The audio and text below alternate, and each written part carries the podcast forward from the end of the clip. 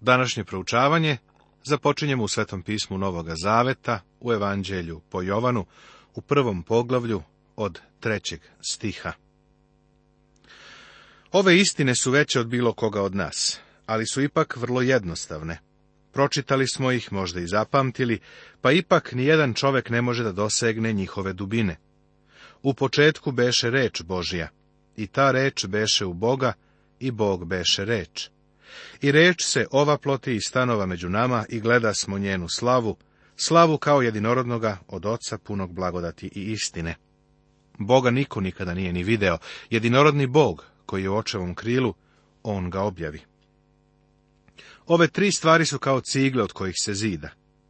Hajde sada da vidimo cement koji ih drži vezane.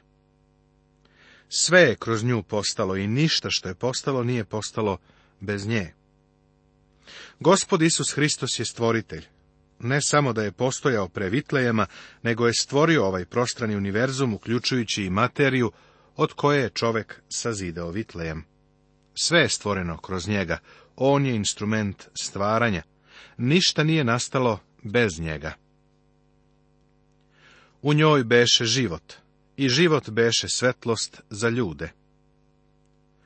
Sada se suočavamo sa nečim drugim sa dve najjednostavnije stvari na svetu, svetlost i život. Zoe i fos su za njih dve reči u izvornom jeziku. Od zoe je nastala reč zoologija, nauka o životu. Od reči fos imamo foto, odnosno bilo šta što je na tome sačinjeno kao što je fotografija. To je svetlost. Ove dve stvari su tako uobičajene da ih uzimamo zdravo za gotovo. Život, vidimo ga svuda, tu gde se baš sada nalaziš možda ima vrlo mnogo života. Odeš u šumu i vidiš to isto. Život. On te pozdravlja na svakom koraku. Ali možeš li ga objasniti? Vidiš, u nekim naučnim časopisima ćeš pročitati kako su ljudi otkrili izvor života. Ali ako i dalje čitaš, vidjet ćeš da su otkrili nekakav izvor, da nisu otkrili taj izvor, iako smatraju da su mu se približili. Postave mikroskop na zeleni list. U jednom momentu ugledaju malenu ćeliju koja ima određeni oblik i strukturu i koja deluje potpuno mrtvo. Sledećeg trenutka ta ćelija zauzima drugi oblik i strukturu i živa je. Zatim počne da raste i da se umnožava i deli. Zašto se to dešava? Zbog života. Druga obična stvar je svetlost. Šta je svetlost? Slušao sam Irvina Muna koji se trudio da je objasni. Irvin je dao najbolje objašnjenje koje sam ikada čuo. Ali kada je završio, ja više nisam bio siguran da li je svetlost nešto stvarno ili su to samo talasi, jer ljudi mogu da preseku talase, ali će svetlost i dalje prolaziti. Kao što znaš, određene vrste svetlosti prolaze kroz objekte koji zaustavljaju talase. Pa šta je onda svetlost? Vidiš, bavimo se fundamentalnim stvarima, iako ljudi danas sa svim njihovim naučničkim napravama o njima znaju vrlo malo. U njoj, odnosno u njemu, beše život. Sveukupan život je u Isusu Hristu. U njoj beše život i život beše svetlost za ljude. Ti i ja živimo u svemiru koji je duhovno mračan. U stvari, on je i fizički mračan do izvesne granice. Ali Bog je rekao, neka bude svetlost. Odašiljači svetlosti su postavljeni svuda po Božijem svemiru, poput uličnih svetiljki po velikom gradu. Kaže se da kada se čovek samo malo udalje od zemlje, nađe se u potpunom, apsolutnom mraku. Biti tamo gde nema ničega što može da reflektuje sunčevu svetlost, stvarno je zastrašujuće. Naša mala zemaljska kugla se nalazi u tamnom svemiru, pa ipak to nije ništa u poređenju sa duhovnom tamom koja je obavija.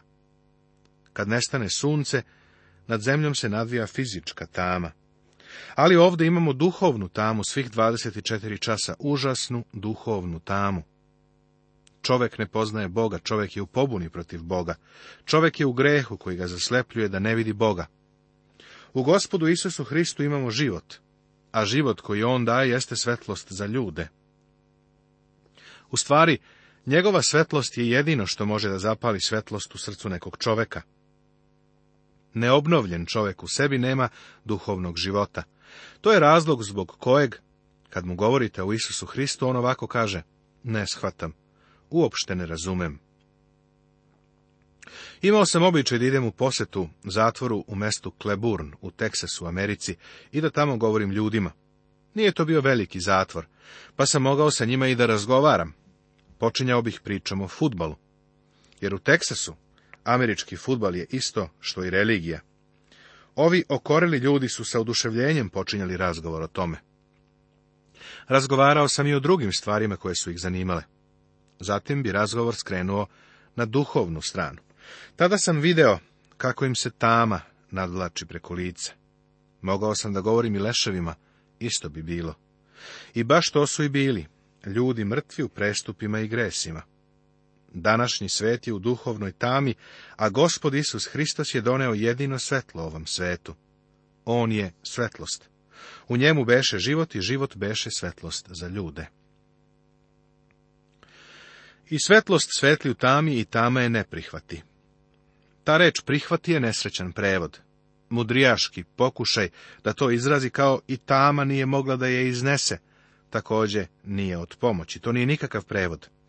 U grčkom jeziku stoji kalelaben, što znači srušiti, progutati, skinuti, zapisati. To je slika sekretarice čiji šef diktira, a ona kaže ne uspevam da zabeležim, ne mogu, ne stižem da zapišem. Svetlost svetli u tami, a tama ne uspeva da je primi. Upravo o tome se radi. Neko je rekao, čoveče, jesam li ja bio u tami pre nego što sam upoznao Hrista? Ne znam zašto nisam video. Pa to je, bio si u tami i nisi video. Tama prosto ne može da je primi. Ovo je nešto vrlo zanimljivo, a ne važi za fizičku svetlost. Uđeš u mračnu sobu i onog trenutka kada okreneš prekidač, tama nestaje, odlazi. Tama i svetlost fizički zajedno ne postoje. Onog momenta kada uneseš svetlost, nestaje tama. Onog trenutka kada izneseš svetlost, tama se vraća. Ali duhovna svetlost i tama postoje zajedno. Ponekad imate muža koji je spasen, ženu koja nije, ili obrnuto. Imate vernika koji radi kod drugog čoveka i ovako kaže. Na šta misliš kad kažeš da si hrišćanin? Dajem sve od sebe, pa zar i ja nisam hrišćanin? Tu imaš svetlost i tamu, jedno pored drugog, a tama ne može da je primi. Upravo to je ovdje rečeno. I svetlost svetli u tami i tama je ne prihvati na svetu beše i svet kroz njega posta i svet ga ne pozna. To je bila tragedija. Svet je bio u tami, u duhovnoj tami i nije ga upoznao. Čak i danas vidimo porast ateizma i nevere, a u danima koji su pred nama toga će biti mnogo više. Vrlo mnogo ljudi kao da ne shvata da su neverovanje i ateizam nešto što prati običnog čoveka. Neko mi je rekao, o, da li si u novinama pročitao ono što je taj i taj doktor teološkog fakulteta tog i tog napisao? Jesam, pročitao sam. A zar nije grozno? Ne, mislim da nije. Uznebirilo bi me kad bi taj čovjek rekao da veruje u sveto pismo, jer je po svojim izjavama i priznanju on ipak nevernik. Kaže da ne veruju u novo rođenje, da ne veruje da treba da prihvati Hrista da bi bio spasen, pa zato ne očekujem da ovaj čovjek kaže da veruje u Bibliju. To bi bilo potpuno suprotno njegovim izjavama. Samozvani i takozvani teolozi, profesori teologije, koji zagovaraju pokret Bog je mrtav, iznose nam besmislenu, neodrživu izjavu o tome kako su oni hrišćani ateisti. Očigledno je da ateizam onemogućava činjenicu da je neko hrišćanin. Ipak, neverovanje je ušlo na teološke fakultete i na propovedaonice širom zemlje. Svet ne poznaje Hrista svojima je došao i njegovi ga ne primiše. Došao je u svoj svemir, ali ga njegovi ljudi nisu primili. A svima koji ga primiše, dade moć da postanu deca Božja, onima što veruju u njegovo ime. A svima koji ga primiše, dade moć. Reč moć nije dinamis, dinamička sila poput dinamita ili fizičke sile, nego je to eksusijan sila, odnosno delegirana, poslata sila, vlast a svima koji ga primiše, dade moć da postanu deca Božija, tekna, onima što veruju u njegovo ime. Zapazi da je ovo za one koji veruju u njegovo ime. Uz reč verovati uvek ide predlog. Vidiš, vera u smislu u kojem je Biblija koristi nije samo umno znanje. Mnogi ljudi pitaju ovako, znači, hoćeš da kažeš da sve što treba da radim jeste da verujem. Da, to je sve što treba da učiniš, ali da vidimo šta sve to podrazumeva. Uz glagol verovati uvijek ide predlog, ponekad u, ponekad na. Moraš verovati u Isusa Hrista. Da ti to ilustrujem pomoću stolice. Stojim pored stolice i verujem da će me ona održati, ali me ona ne drži. Zašto? Zato što imam samo razumsko i umno znanje. Ja samo izgovaram da, držat će me. Sada pretpostavimo da verujem u tu stolicu, pa sednem. Vidiš na šta mislim? Celu svoju težinu je prepuštam i ona me drži. Da li tebe drži Hristos? Je li on tvoj spasitelj? Ovde nije reč o tome da stojiš sa strane i govoriš, o da, verujem da je Isus sin Božiji. Pitanje je da li si uzverovao u njega, da li počivaš na njemu. Stolica me u potpunosti drži, a u ovom trenutku Hristos je u potpunosti moj spasitelj. Zavisim od njega, počivam na njemu. Svedočanstvo Jovana Krstitelja Ovo je Jovanovo svedočanstvo, kada judeji iz Jerusalima poslaše k njemu sveštenike i levite da ga zapitaju, ko si ti? Ovo je prvi događaj u životu Jovana Krstitelja, o kome nam u svom evanđelju piše Jovan. On nam ne priča priču o početku ovog čoveka. O njegovom rođenju možemo pročitati u Lukinom evanđelju, ali ovde izveštaj o Jovanu Krstitelju počinje time što iz Jerusalima dolazi delegacija da ga ispita. Došli su da mu postave pitanje, ko si ti? U ovom pitanju se sadrži i suptilno iskušavanje, jer je ovo Jovanu pružilo mogućnost da se predstavi kao nešto važno. U Jovanu 3.30 nalazimo njegov odgovor kada su učenici poželili da mu pridaju važnost. Rekao je on treba da raste, a ja da se umanjujem. Kakva je samo ovo izjava? Nju bi trebalo da kaže svaki vernik. Ali svaki vernik treba i da živi u skladu sa njom. On treba da raste, a ja da se umanjujem. Prijatelju obojica ne možete biti na vrhu. Ili je Hristos prvi u tvom životu i zauzima to prvo mesto, ili ćeš ti, odnosno ono sebično ja, biti na vrhu. Ne možeš imati i jedno i drugo. On mora da raste ili će biti suprotno. Sada obrati pažnju na odgovor koji Jovan daje religioznim vođama. I prizna i ne poreče, te ispovedi. Ja nisam Hristos. Vidiš, oni lukovo iznose pretpostavku da je on možda Mesija, jer imaju mesijansku nadu. Ali on vrlo jasno govori da on nije Hristos, nije Mesija. Traže pogrešnog čoveka. Pa ako on nije Hristos, kakva je on to velika ličnost? Tada ga zapitaše, šta dakle, jesi li ti Ilija? On reče, nisam, jesi li prorok? I odgovori, ne. Zapažaš kako je Jovan ovde sažet i kako iznosi činjenice. Njegovi odgovori su koncizni.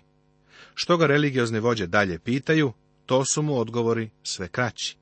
Ako on nije Hristos, mora biti da je Ilija. Ako nije Ilija, mora biti neki prorok. Oni misle na proroka kao što je bio Mojsije, koji im je obećan još tamo u petoj knjizi Mojsijevoj, u osamnaestom poglavlju. Jovan im pruža odlično ne. On nije taj prorok koga nagoveštava peta knjiga Mojsijeva. Onda mu rekoše, kosi, si? Da možemo odgovoriti onima koji su nas poslali. Šta kažeš za sebe? Oni dakle insistiraju da im on kaže ko je ne mogu se vratiti sa izveštajem sačinjenim od samoodgovora. Zato se Jovan predstavlja. Reče. Ja sam glas onoga što viče u pustinji, poravnite put gospodnji, kao što reče prorok Isaija. Zapazi da je on glas. Vidiš, Hristos je reč. Jovan je glas. Jedino što Jovan želi da bude jeste glas. On ima divnu i veliku poruku koju želi da saopšti, poruku mnogo veću od njega. Iskreno govoreći, trebalo bi da smo zadovoljni da budemo samo glas, jer poruka koju imamo da saopštimo jeste veća od pojedinca. A taj glas, naravno, treba da objavi Hristovu slavu. Pogledaj ovu veliku poruku koju on daje. Poravnite put gospodnji. Drugim rečima, spremite se za gospodnji dolazak. Smatram da on želi da kaže da se približilo carstvo nebesko. Približilo se u osobi cara. Zato im on kaže da poravne put gospodnji. To je isto kao da im je rekao da isprave sve pogrešno u svom životu, da se sa tim pogrešnim stvarima pozabave. I mi treba to da uradimo. Kada to učinimo, otvoreno nam je zajedništvo sa Bogom. Ako kažemo da imamo zajednicu sa njim, a u tami hodimo, lažemo i ne tvorimo istine. Treba da ispravimo svoj život, a ispravljamo ga kroz priznanje kao što smo poučeni u prvoj poslanici Jovanovoj u prvom poglavlju. Zapazit ćeš da on kaže da citira proroka Isaiju. Pripravite u pustinji put, gospodnji, poravnite u pustoši stazu Bogu našemu. I poslanici behu od fariseja, oni ga upitaš i rekoše mu, zašto onda krštavaš kad nisi Hristos, ni Ilija, ni prorok? Oni Jovanu krstitelju sada postavljaju tehničko pitanje. Ako nisi ništa od ovoga, zašto onda krštavaš? Jovan im odgovori. Ja krštavam vodom. Među vama stoji onaj koga vi ne znate, koji za mnom dolazi, kome ja nisam dostojan da odrešim remen na njegovoj obući. Danas ovog čoveka nazivamo Jovan Krstitelj. Ali on kaže da je samo koristio vodu. Iza njega je išao neko ko će krštavati vatrom i svetim duhom. Vatra ili ogan jeste krštenje suda koji će doći na ovu zemlju. Krštenje svetim duhom se desilo na Pentekost. Čovek se pita da li je toga dana u toj gužvi bio Hristos. Ne znamo, možda i jeste. On koji za mnom dolazi kome ja nisam dostojan da odrešim remen na njegovoj obući. Sluga mora da uradi svaki posao svoga gospodara. Međutim, učenik mora da uradi svaki zadatak, osim da odreši remen na obući učitelja. To je bilo pravilo toga vremena. Jovan govori da je on sluga, nije čak ni učenik, a nije vredan ni da bude sluga, iako jeste to što jeste. Ovo se dogodilo u Vitaniji, sa one strane Jordana, gde je Jovan krštavao.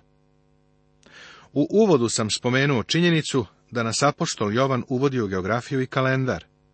Ovde nam se daje geografska lokacija. Zatim primeti da sljedeći stih počinje ovako. Sutradan.